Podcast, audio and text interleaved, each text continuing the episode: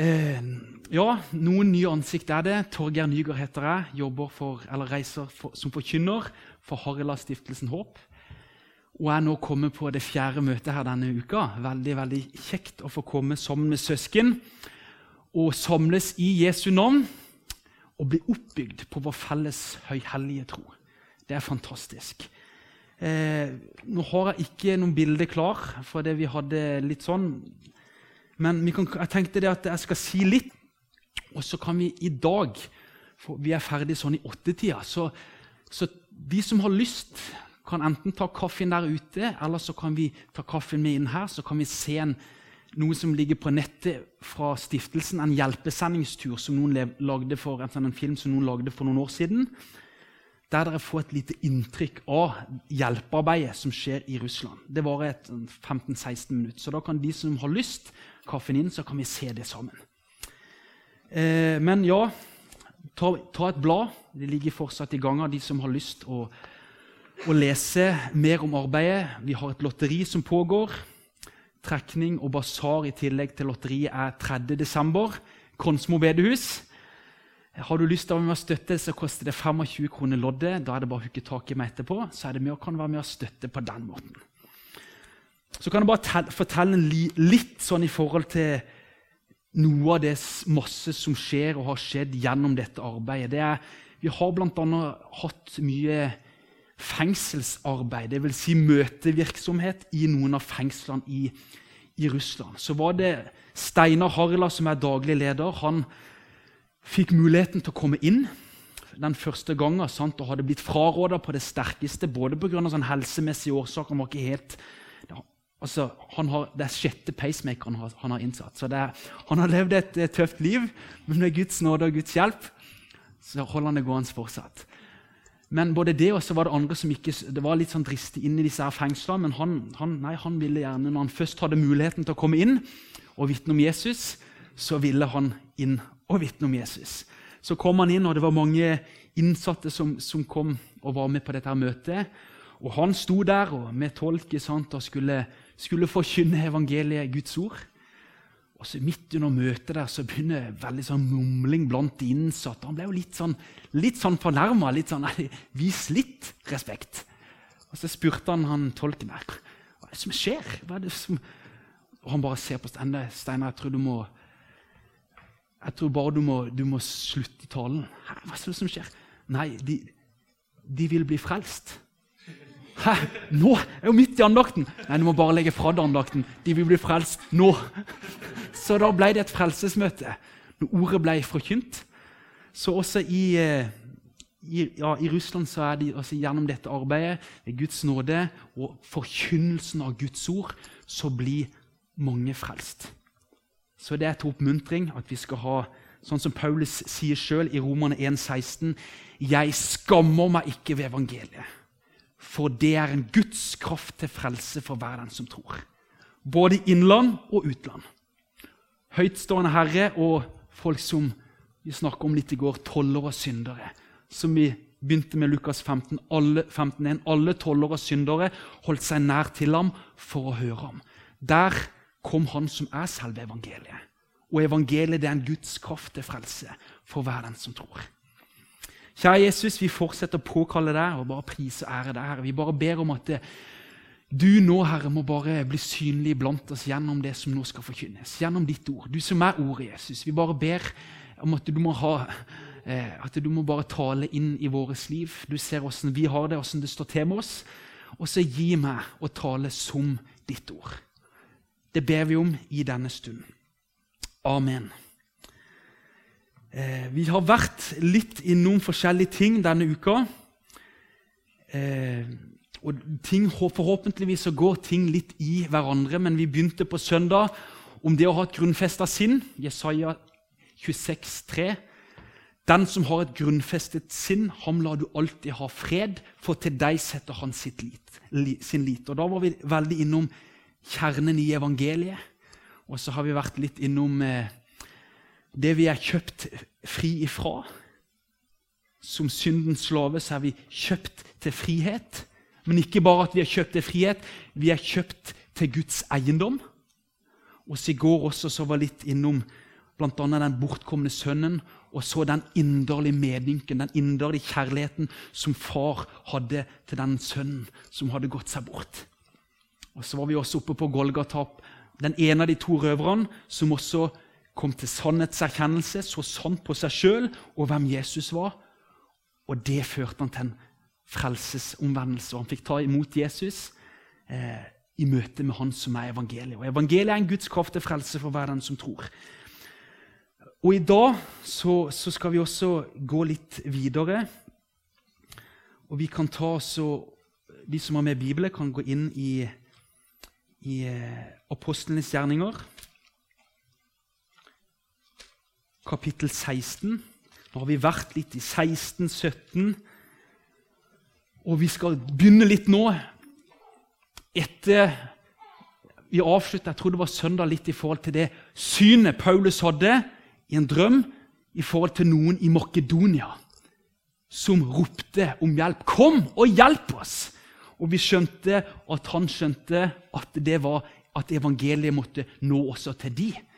For det er jo evangeliet som er verdens håp, som er det vi skal få lov å ta imot tomhendt av bare nåde. Og her er det i menigheten, altså Når han kommer til Filippi, så møter vi purpurkremmersken, denne dama Lydia som blir frelst. og Etter hvert så havner de i fengsel, Paulus og Silas. Og så kan vi gå inn bare rett inn i den beretninga i fengselet. Kapittel 16 fra vers 25. Eh, litt i forhold til dette her med, med, tro. Det er jo alt det det handler om, dette med tro og hva vi tror på. For egentlig så handler det ikke om vår tro. For alle mennesker har ei tro, og troa kan være både stor og liten. Det kan være det ene, ene med det andre, men det handler om hvem troa vår er retta på. Og Jesus Kristus, det fullkomne frelsesverket vi har i Han. Han som er klippen vår, som vi også stoppa litt opp for i går. Han som er alt det vi skal få lov å sette vår lit til. For han har gjort alt sammen. Han er vår frelser, han er vår stedfortreder, han er vår bror, han er vår konge, han er vår forbeder. Eh, og her er det Paulus som, eh, som, har blitt frelst av bare nåde. Fra å være en forfølger, en spotter, voldsmann av de kristne, sant? så har han blitt frelst. Det står det om 1. Timoteus kapittel 1 der, så står det om hans historie. Enda før var han spotter, voldsmann og forfølger. Så sier han det i vers 15 at, det, at det, men det er et troverdig ord fullt verdt å motta. Kristus Jesus kom til verden for å frelse syndere, og blant dem er jeg den største. Snakk om en som hadde kommet til sannhetserkjennelse, som vi snakka litt om i går.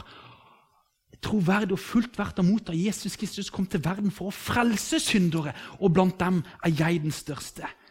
Og så kunne Gud bruke han, og så nå er han sendt til Filippi, og der blir de tatt og han måtte lide mye for navnets skyld, for Jesu navns skyld. Men så bare hør her. Han som har satt sin lit hør nå, bare det, at det, det, han trodde på, det er jo det Bibelen ønsker at vi skal tro på. At det vi skal sette vår lit på. Jesus er i går den samme ja til evig tid. Om folke, folke og folkeslag endrer seg, tida endrer seg, så er Jesus den samme. Og det er godt å vite det at han som hang på Golgata og ropte ut 'Det er fullbrakt', han er den samme i dag. Og Det samme gjelder for oss i dag. Vi skal sette vår lit til. Og Her er det Paulus og Silas som har blitt frelst av den nåde, denne nåden, og i misjonsoppdraget der de reiser ut for å vitne om dette her, nå i Filippi, så må de nå lide for hans navns skyld. Og så går vi inn i vers 25.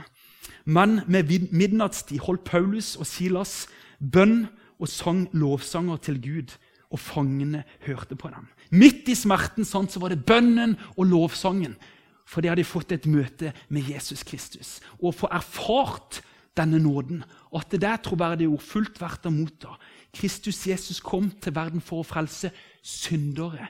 Og blant dem er jeg den største, sa Paulus. Og da kommer lovsangen. Da kommer takkebønnen. Og bønnen om at enda flere må få del i det han hadde fått del i. Og Det var jo nettopp derfor også han reiste til Makedonia og begynte der i Filippi. For at enda flere mennesker både de han likte, og de han ikke likte. Til og med nå fangevokteren som vi ser her, skulle få del i dette her. Da kom det med ett et sterkt jordskjelv, så fengselets grunnvoller eh, ristet. Og straks sprang alle dørene opp, og lenkene falt av alle fangene. Fangevokteren for da opp av søvne. Da han så at dørene til fengselet sto åpne, trakk han sverdet og ville ta sitt liv, for han trodde at fangene var rømt. Men Paulus ropte med høy røst og sa, 'Gjør ikke deg selv noe ondt, for vi er her alle.' Han bad om lys og løp inn og falt skjelvende ned foran Paulus og Silas. Så førte han dem ut og spurte, 'Herrer, hva skal jeg gjøre for å bli frelst?' For et spørsmål! Er det ikke det vi ønsker alle skal stille? Men det var noe som skjedde der i møte med det han så. Men han, ikke, han sov, så vi skal ikke regne med at han hadde hørt bønna og lovsangen. Men det var noe der i møte med Han visste jo hvorfor de var satt i fengsel, Paulus og Silas. Men, men så kommer likevel det spørsmålet Hva skal jeg gjøre for å bli frelst? Og Fram til nå så hadde han jo ikke hørt evangeliet. Så, så De kunne bare si at tro på Jesus, og, eller rekk opp hånda nå, så, sant, så, skal du Nei, han, han, han undra seg hva skal jeg gjøre for å bli frelst. De hadde noe, hadde noe som ikke han hadde. Men det måtte jo komme noe mer enn at bare de skulle svare tro på Jesus. For hvem var Jesus? Og hva var det han skulle tro på? Og derfor, hør nå, de sa tro på Herren Jesus, så skal du bli frelst, du og ditt hus. Da talte de talte da Herrens ord til ham og til alle som var i hans hus. Og det ble gledesfest og lovsang i den heimen. Men igjen, hva skal jeg gjøre for å bli frelst? Et kjempeviktig spørsmål som vi håper så mange som mulig skal stille seg selv. Kanskje også i møte med oss. For vi har jo noe som ikke de har. Av, dette skal alle kjenne at dere er mine disipler, at dere har kjærlighet til hverandre, sier Jesus i Johannes 13, 35. Så kanskje noen ved at vi lever ut det livet vi er kalt til å leve, og det vi spørsmålet vi har stoppa litt for denne uka Hvem er herre i vårt liv? Hvem er herre i ditt liv? er det synlig. Ikke det at vi skal ta oss til det, men det er klart det, når Jesus er viktig for oss, og vi bruker tid, så blir vi påvirka. Og Jesus er vårt forbilde, ønsker å være vårt forbilde for at vi skal bli, vi bli påvirka av hvem han er. Men så kom da talte de Herrens ord til ham og til alle som var i hans hus. Så det bare med, nå hadde vi en litt innledning. sånn kjempeviktig. Vi har vært litt i Filippi, i Tessalonika har vi vært litt denne uka så langt. Men nå var det fangevokteren som ble frelst. Han kom til spørsmålet hva skal jeg gjøre. Og så sa de at de måtte tro på Herren Jesus, men så kom ordet. Dette her er så viktig. De talte Herrens ord. De talte Guds ord til denne fangevokteren. som han kom. sant? 1. Timoteus 2,4 har jeg sitert. Han som vil at alle mennesker skal bli frelst og komme til sannhetserkjennelse. Og sannhetserkjennelsen, den overbevisninga om hvem vi er, og hvem Gud er, den kommer gjennom Herrens ord. Som denne fangevokteren nå fikk høre. Og det skjedde en livsforvandling i hans sitt liv. Og så er det vårt forhold til Guds ord. Til Herrens ord. For nå vet vi at det er det som vi blir frelst ved. Romerne 10, 17, Så kommer da troen, og forkynnelsen som en hører. Og forkynnelsen som, som en hører, kommer ved Kristi ord. Vi må alle se smått på det. Det med kraften i evangeliet. Det er en Guds kraft til frelse. Og dette er Guds ord. Det er innblåst. Og Det var det han ble frelst ved å høre. Og Bibelen sjøl sier at vi blir frelst ved å høre Guds ord forkynt. Men så er vi frelst. Nå vet jeg ikke hvem som er frelst og ikke. Men så kommer vi til, frelst, til frelse. Men så stopper det jo ikke der. Vi må fortsatt være i ordet. For når det frelser oss, så er det jo nettopp det som bevarer oss. Og inspirerer oss og gir oss kraft, styrke, og kraft og styrke i den åndskampen vi blir en del av. For med en gang vi blir frelst, så får vi motstand. Sant? Ondskapens ånde her i himmelrommet, som Efeserne 6 forteller om. Det er tøft å være kristne. Og Gjennom disse møtene her, vi kanskje noen har kjent på at oi, det er så tøft med meg sjøl. Altså, hvordan står det til med meg sjøl? Hvem er herre i mitt liv? Sånne ting. Og det er bra. For det er bra, vet du hva Bibelen sier? Så står det i eh, Hebreerne 4,12.: For Guds ord er levende. Og, og levende og virksomt. Og skarpere enn noe tveegget sverd. Det trenger igjennom til det kløyver sjel og ånd, ledd og marg, og dømmer hjertets tanker og råd. Og det er vondt å høre, men som blir den derre at du kjenner på Guds ord dømmer oss. På en måte, Åssen står det til med oss? I forhold til å vekke oss. Guds ord ransaker oss og ønsker nettopp i kjærlighet at det, skal avsløre oss hvis vi lever i synd. At vi kaller oss lysets barn, men lever i mørket. Så ønsker Guds ord å avsløre det og dømme hjertets tanke og råd. Og det kan være smertefullt. Men det er, når det er smertefullt, er det ikke de sagt, ja, men da vil vi helst slippe å høre sånn type forkynnelse. For det, vi skal gå ut med dårlig samvittighet. Oi, oi, oi, det må vi ikke ha. Men hvis det at vi ikke får høre det, gjør at vi går eh, som, som, vi også hadde i Salme 73 I går så var det at de som holder seg borte fra deg, går til grunne. De som holder seg borte fra deg, går til grunne. Og hvis ikke vi skal bli avslørt med det, og bare kose oss i synda med sånne ting, så er, det, så er det jo vi som taper enormt på det. Men derfor ser vi Guds ord er, kalt, er gitt oss til at vi skal bli frelst, og igjen avsløre oss når vi er på vei bort fra evangeliet og troen på Jesus Kristus. Og Det håper jeg vi skjønner, kan, at vi, dette er Guds ord. At det er det vi må virkelig la prege våre liv. Og Da kan vi si det som Jesus sier til sadukeerne i Matteus 22, 29. Så, så sier han det til sadukeere som ikke trodde på oppstandelsen fra de døde osv. Så, videre. så sier han er det, er, dere farer vill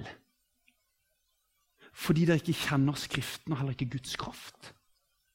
Så Der ser vi en sammenheng. Ser du koblinga der? At kjennskapen vår til Guds ord har også har noe å si for vandringa vår og livet vårt. Det er, ikke, det er ikke vanskelig matematikk, men det er Gud som taler til oss og styrker oss og bevarer oss og trøster oss og leder oss på vandringa gjennom trengselstida vi må gå her. holdt jeg på å si, For det står at vi må gå inn i Guds rike gjennom mange trengsler. At det er tøft. Det er kamp. Og gjennom den kampen så vil han gi oss alt det vi trenger til som kristne. Derfor gi akt på Herrens ord.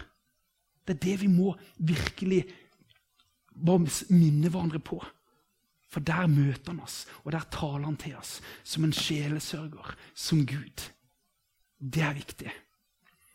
Og så litt tilbake til der vi var i Jesaja 26, 3. Den som har et grunnfesta sinn. Og nå har vi snakket om viktigheten med Guds ord, og det er jo der det grunnfesta sinnet vårt er. Sinnet vårt, tanken vår, som kan både bli prega av ting som sår tvil, og ting som skaper tro. Og her vet vi at det, dette og, og, det vi gjør nå, sant? det er jo ting som skal nettopp bevare det grunnfesta sinnet på rett plass, og at troa vår er retta på Jesus og ikke på vårt kristne liv. Eller på noe annet, men på Jesus, som er vårt håp, som er vår frelser, som er Guds ord. Johannes 19, 13, sant? Åpenbaringsboka 19, så står det at og han har et navn. Guds ord. Det er et av navnene på Jesus. Johannes 1 også. Ordet, men åpenbaringsboka 19, Guds ord. Hvor møter vi Jesus? I ordet. Hvor blir vi mer lik Jesus? Mer lik Jesus, vil si at han får vinne skikkelse i oss ved at han preger oss gjennom sitt ord. Det er jo ordet. Og Det var en liten sånn nøkkel jeg tenker er så viktig. Og at ikke en, og hør nå, Det er så viktig for meg at ikke dette blir misforstått. dette er, oi, Nå må vi hjem og pugge bibelvers og ene med det andre. Nei, men Ser vi nåden Gud har gitt oss, og at vi kan bli bedre kjent med Jesus gjennom ordet, som er levende? Ser vi den muligheten vi har, folkens, til å lære mer og se enda mer av hvem vi er i Jesus, rikdommen vi eier i Jesus, gjennom tida vi bruker også, sammen og hver for oss, på Guds ord. Og Da kan det kanskje bli mer og mer som apostlene i apostlenes gjerning. Sant? Paulus og Silas og de, og eh, Peter og Johannes er det her i apostlenes gjerninger fire. For vi kan ikke la være å tale om det vi har sett og hørt. Og Bibelen ønsker å vise oss mye, og at vi skal høre mye som kan nær sagt gjøre at troa får bein å gå på. Og det er ikke mitt og ditt verk. Det er så viktig. Hør nå. Det er åndens verk. Det er ånden gjennom oss. Det er Guds ånd som skal drive oss nettopp gjennom dette her. De ord jeg har talt til dere, sier Jesus i Johannes 6, 63 er det vel. De ord jeg har talt til dere, er ånd og er liv. Håper, håper vi kan, at det kan skape litt begeistring og forventning. En appetitt til nettopp til Guds ord. Det grunnfesta sinnet. Og Bibelen. Og for at det, hør nå, for at det, for at det grunnfesta sinnet skal være på rett plass, så er det noe Og nå kommer vi litt inn på kjernen i det vi skal snakke litt om. Det er det, det er noe vi skal glemme. Og så er det noe vi ikke skal glemme. Og så er utfordringa å ikke glemme å blande de to på hva vi skal glemme, og hva vi ikke skal glemme. Nå er det sikkert mange som Wow, hva var det du skulle si nå? Men hør nå. Dette her er viktig. Dette er viktig. Og dette er Vi kan ta i Filipperne 4, som også er et, et brev til menigheten i Filippi. Som igjen, Nå las Jon Paulus og Silas i det innerste fangehullet. Dette brevet er skrevet fra et fangehull. Og Paulus sånn det er troverdig og fullt verdt å motta. Kristus Jesus kom til verden for å frelse syndere, og blant dem er jeg den største. Gitt om ikke det var en som sikkert i både tide og utide huska tilbake på alle de gangene han med pinsel tvang folk skulle få dem til å fornekte troa på Jesus. Hykleri. Sånn det, der, det, det livet han hadde levd, alt det han hadde påført de kristne. Garantert, vi vet, garantert, Jeg tror i hvert fall at det var en det var en tung greie for han. Ja, eh, men så står det i hvert fall i et gledesbrev, som eh, Filipperbrevet er, selv om det på tross av at det ble skrevet fra et fengsel, så er det et gledesbrev. Og det bare viser oss at gleden i Herren er vår styrke og var hans styrke. Men der i Filipperne 4, 13, skal vi bare se eh, Filipperne 4, 13, så står det der det kjente verset. Men ett gjør jeg. Jeg glemmer det som ligger bak, og strekker meg ut etter det som er foran, og jager mot målet til den seierspris som Gud har kalt oss til der ovenfra i Kristus Jesus. Der var det noe vi skulle glemme. Det som ligger bak. Og da skjønner vi ut ifra det vi skal lese, det vi ikke skal glemme. Vi skjønner jo litt for Paulus sin del, og i hvert fall for min del, hva det er som vi skal glemme. Det er jo det vi har gjort av gale ting. Som Satan i tide og utide skal ta fram og forstyrre oss med. Og ødelegge og minne oss på. Og det er bare det vi nå er akkurat inne på. Det er jo det som gjør noe og viser oss noe av storheten med det som skjedde på korset at Jesus døde for all vår synd.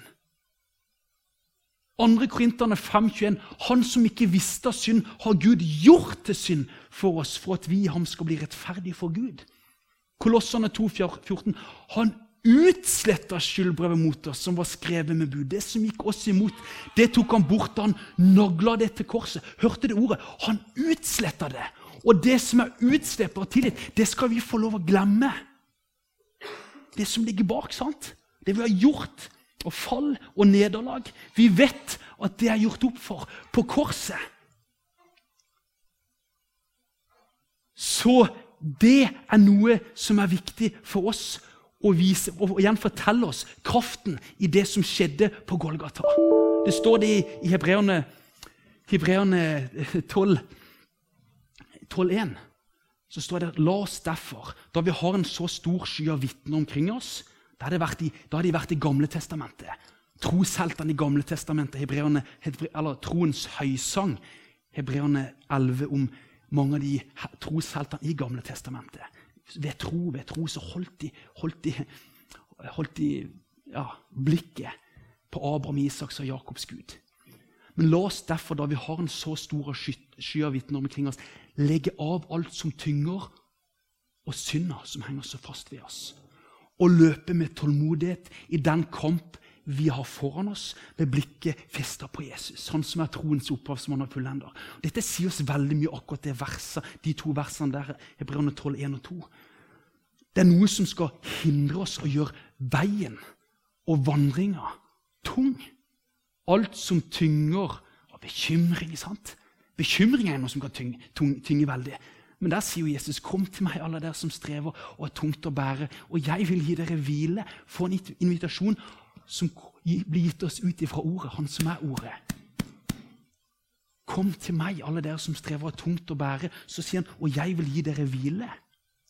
Vi skal legge av alt som tynger, og synda som henger så fast ved oss. Og løpe med tålmodighet i den kamp vi har foran oss. Det er en kamp, det å være kristen. Det Bibelen er kjempetydelig på det.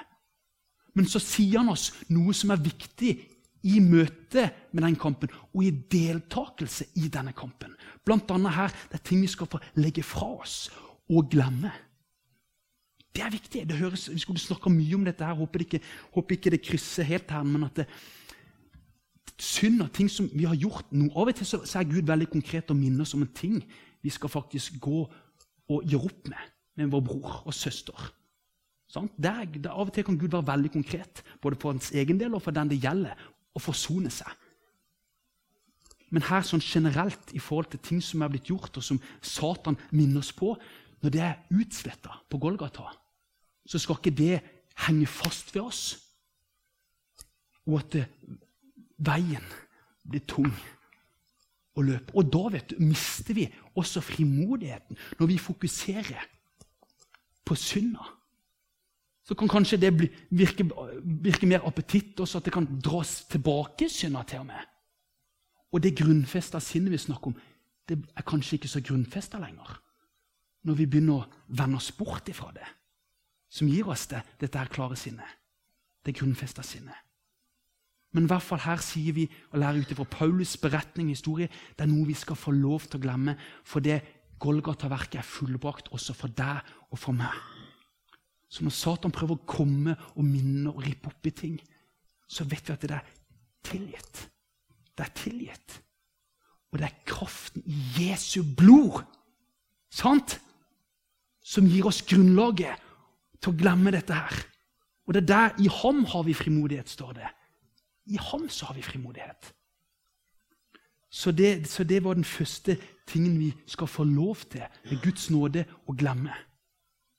Og så er det noe vi ikke skal glemme. Og dette er også veldig viktig. Det, vi, det vi ikke skal glemme, det er nettopp det som skjedde på korset. Evangeliet, kjernen i vår tro. Det er noe ikke vi alle må komme dit hen at vi tar det for gitt at dette kan vi. For det er jo der vi har vi skal få lov å sette vår lit til det som skjedde på korset, på Golgata. Det er det vi har vårt håp. Gjennom fristeren kommer skal minne oss om vår synd. Så, kan vi, kan vi, så, er det noe ikke vi skal glemme. Vi skal ikke glemme at Jesus gjorde opp for all min synd. All min synd er gjort opp for. Så i Jesus Kristus så står det nå i Kolossene 1,22 at i Jesus så er jeg nå hellig, ulastelig, ustraffelig. Hellig, ulastelig, ustraffelig pga. at jeg er ikledd Jesus. Jesus er min rettferdighet. Hører du dette her? Hører du dette her? Dette er hvor vi har vårt håp, og dette må vi alle bli. at Dette kan vi. Nei, Det er det som gjør at det ikke det vi må ikle oss og virkelig holde fast ved i den kamp vi har foran oss, med blikket festa på Jesus, som igjen har navnet Guds ord, som er ordet. Og Da står det også i Romerne 15,4.: Og alt som før er skrevet, det er skrevet oss til lærdom for at vi skal ha håp ved det tålmod og den trøst som Skriftene gir. Trøsten som Skriftene gir. Og så sa Jesus det at dere farer vill fordi dere ikke kjenner Skriften, heller ikke Guds kraft. Guds kraft ligger i Skriftene, i Guds ord. Så ligger Guds kraft. Frelse, bevarelse, veiledelse, inspirasjon. Og så er det noe ikke vi skal glemme. Alt som før er skrevet, jeg skrev oss til lærdom.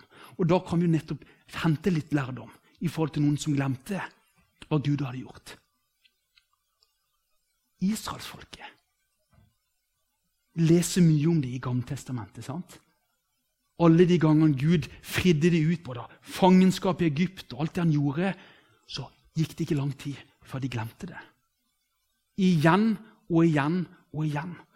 Ofte var det andre ting som ble viktigere en tung, ville, vi kan for lese, vi kan ta og lese dette her i Salme 106.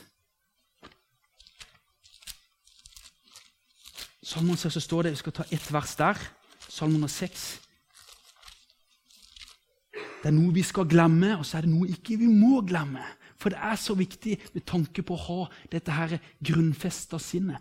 For den som har et grunnfesta sinn, ham lar du alltid ha fred. For til deg setter han sin lit. Og Det er det vi skal sette vår lit til, ikke vi må glemme. Der står det i Salme 106. Les hele salmen. Her står det mye. Skal, det er skrevet oss til lærdom. Vi skal lære av deres vandring i ørkenen og ellers når de kommer inn i det lovede landet. Så er det mye mye vi kan, vi kan lære av. Men det blant annet der så står det eh, i vers eh, Jeg kan ta vers 21. De glemte Gud, sin frelser, som hadde gjort store ting i Egypt. Alle versene før etter. Det mye handler om det samme. De glemte Gud. Og de kom til Rødehavet og begynte å klage på at allerede der, etter alt de hadde sett i Egypt, så kom de til Rødehavet, og ikke lenger til de hadde kommet der, så Hallo! Se her hva som skjer. Vi vil bare tilbake. vi skulle heller vært tilbake til Egypt nå. Og så hadde de ikke tillit til at Gud skulle kunne få lede dem gjennom det også. Motgang, altså det, det, vanskelig, det hinderet som lå foran det. Han som hadde fridd ut fra fangenskapet. Vi må ikke glemme på samme måten som de glemte. Og Det er av og til litt frustrerende å lese. Du kjenner ah, men det samme materialet ligger jo i oss i forhold til vårt kjød. Det er så lett å glemme ved at andre ting blir viktigere. Blant annet kan vi lese i andre konge, bare noe som andre kongebok, kapittel 17, som er veldig aktuelt for vår del. Så står det i andre kongebok, kapittel 17 Vi kan ta verset vers, fra vers 14, andre kongebok 17 fra vers 14, så står det litt om rett før Nordrikets fall. Og så står det her mange vers som forteller om årsaken til at Nordriket falt. Og det var ugudeligheten. De vendte Gud ryggen, og de glemte.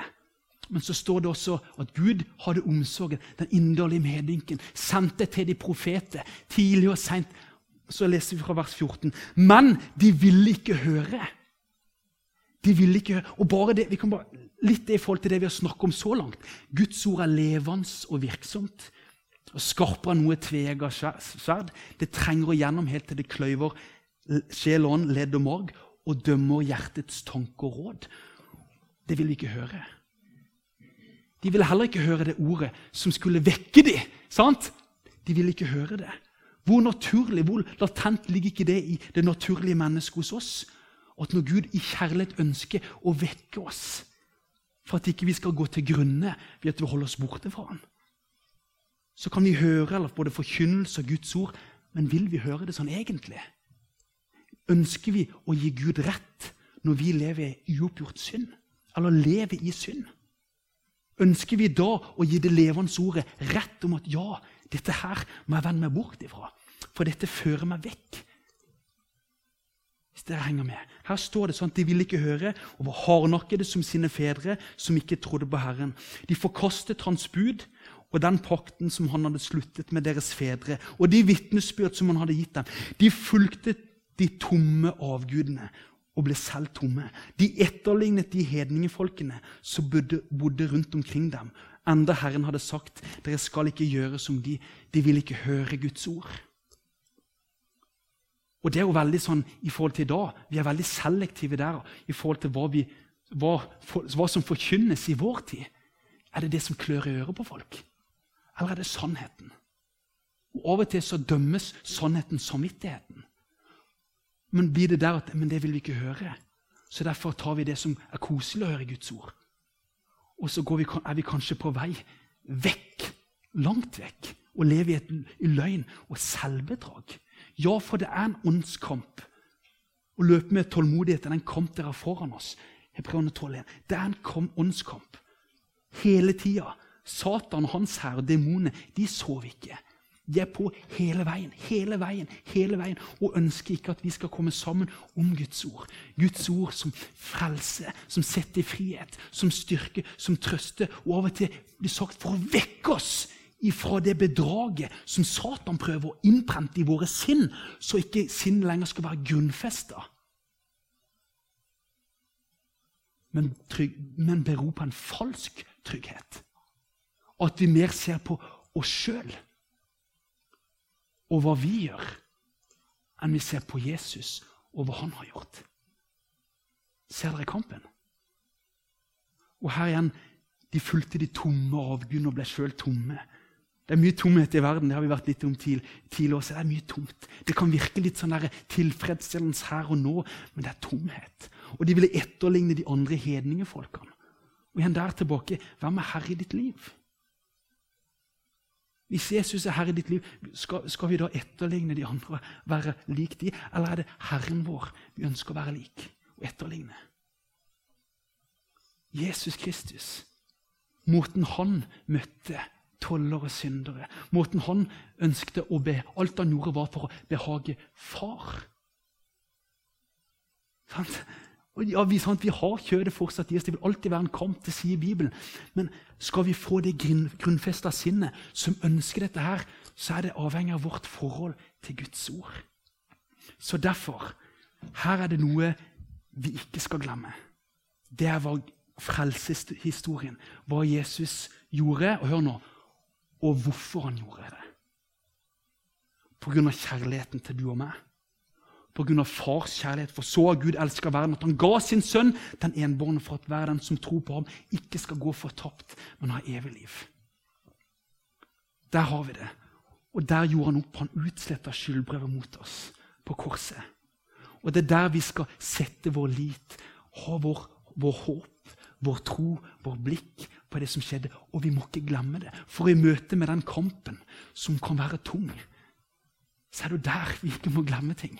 For det er der vi, Satan prøver at vi skal glemme, og at vi skal slå blikket ned på oss sjøl. Og bli motløse. Ja, det er, Bibelen er tydelig på at det, sant? Tenk, Jesus har blitt prøvd i alle ting i likhet med oss, men uten synd. Han vet åssen det er å være deg og meg i de kampene vi står i. Der du lett faller. Han vet åssen det er å være Han falt ikke i synd, men han har blitt frista og blitt prøvd i alle ting, i likhet med oss, men uten synd. Men han ønsker at vi skal få hente kraft og styrke og trøst. Og når det går galt, også det gjorde han opp for. Det skal vi få lov å glemme. Men ikke glem at det har skjedd, det han har gjort. Og da kommer utfordringa, når vi nettopp begynner å mikse de to. Sant? Det sier seg sjøl. Når vi faktisk glemme det som skjedde på Golgata. Og ikke glemme alle våre synder og alt det som sant? Hvis det henger med. Når vi begynner å glemme det, da blir livet tungt å leve som en kristen. Og da tror jeg ikke vi holder ut veldig lenge før vi gir opp alt og faller tilbake. Sant? Og Men det er der Gud nå gjennom sitt levende ord ønsker å tale inn. Nåde nok. Det er nåde nok for sånne som oss.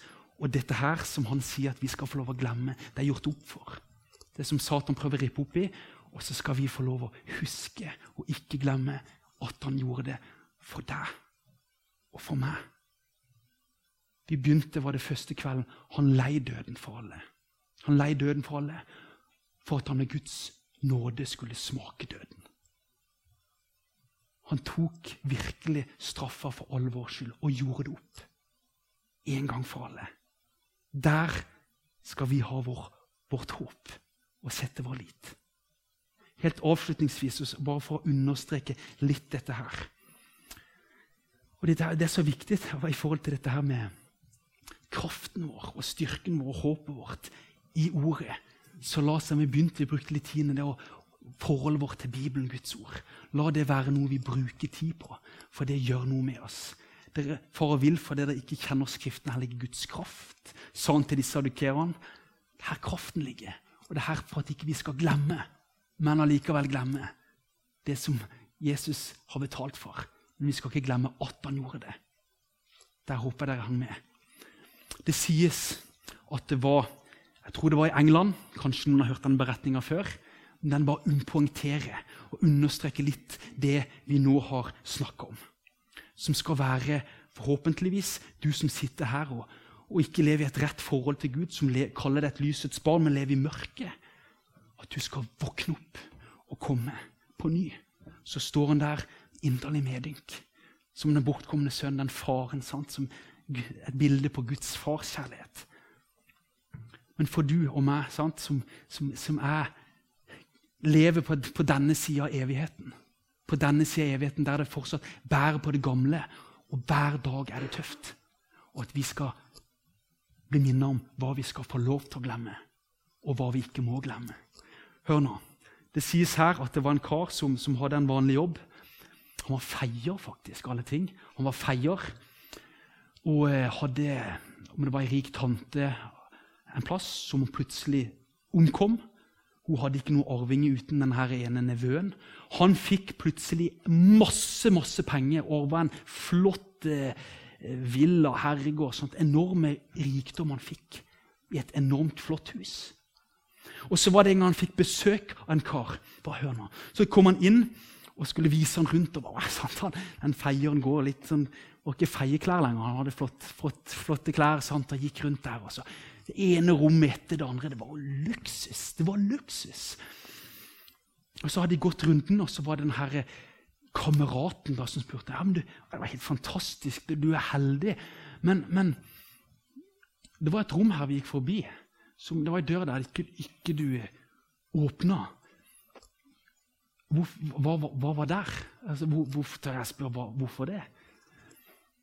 Ah, han var med sånn, gjør normalt ikke dette her, men det er greit, du skal, du skal få bli med inn. Og så åpner han døra. Vet du hva som henger der? Masse, masse skitne feieklær. Utstyr som han hadde. Masse skittent arbeidsutstyr. Dresser han hadde som hang der.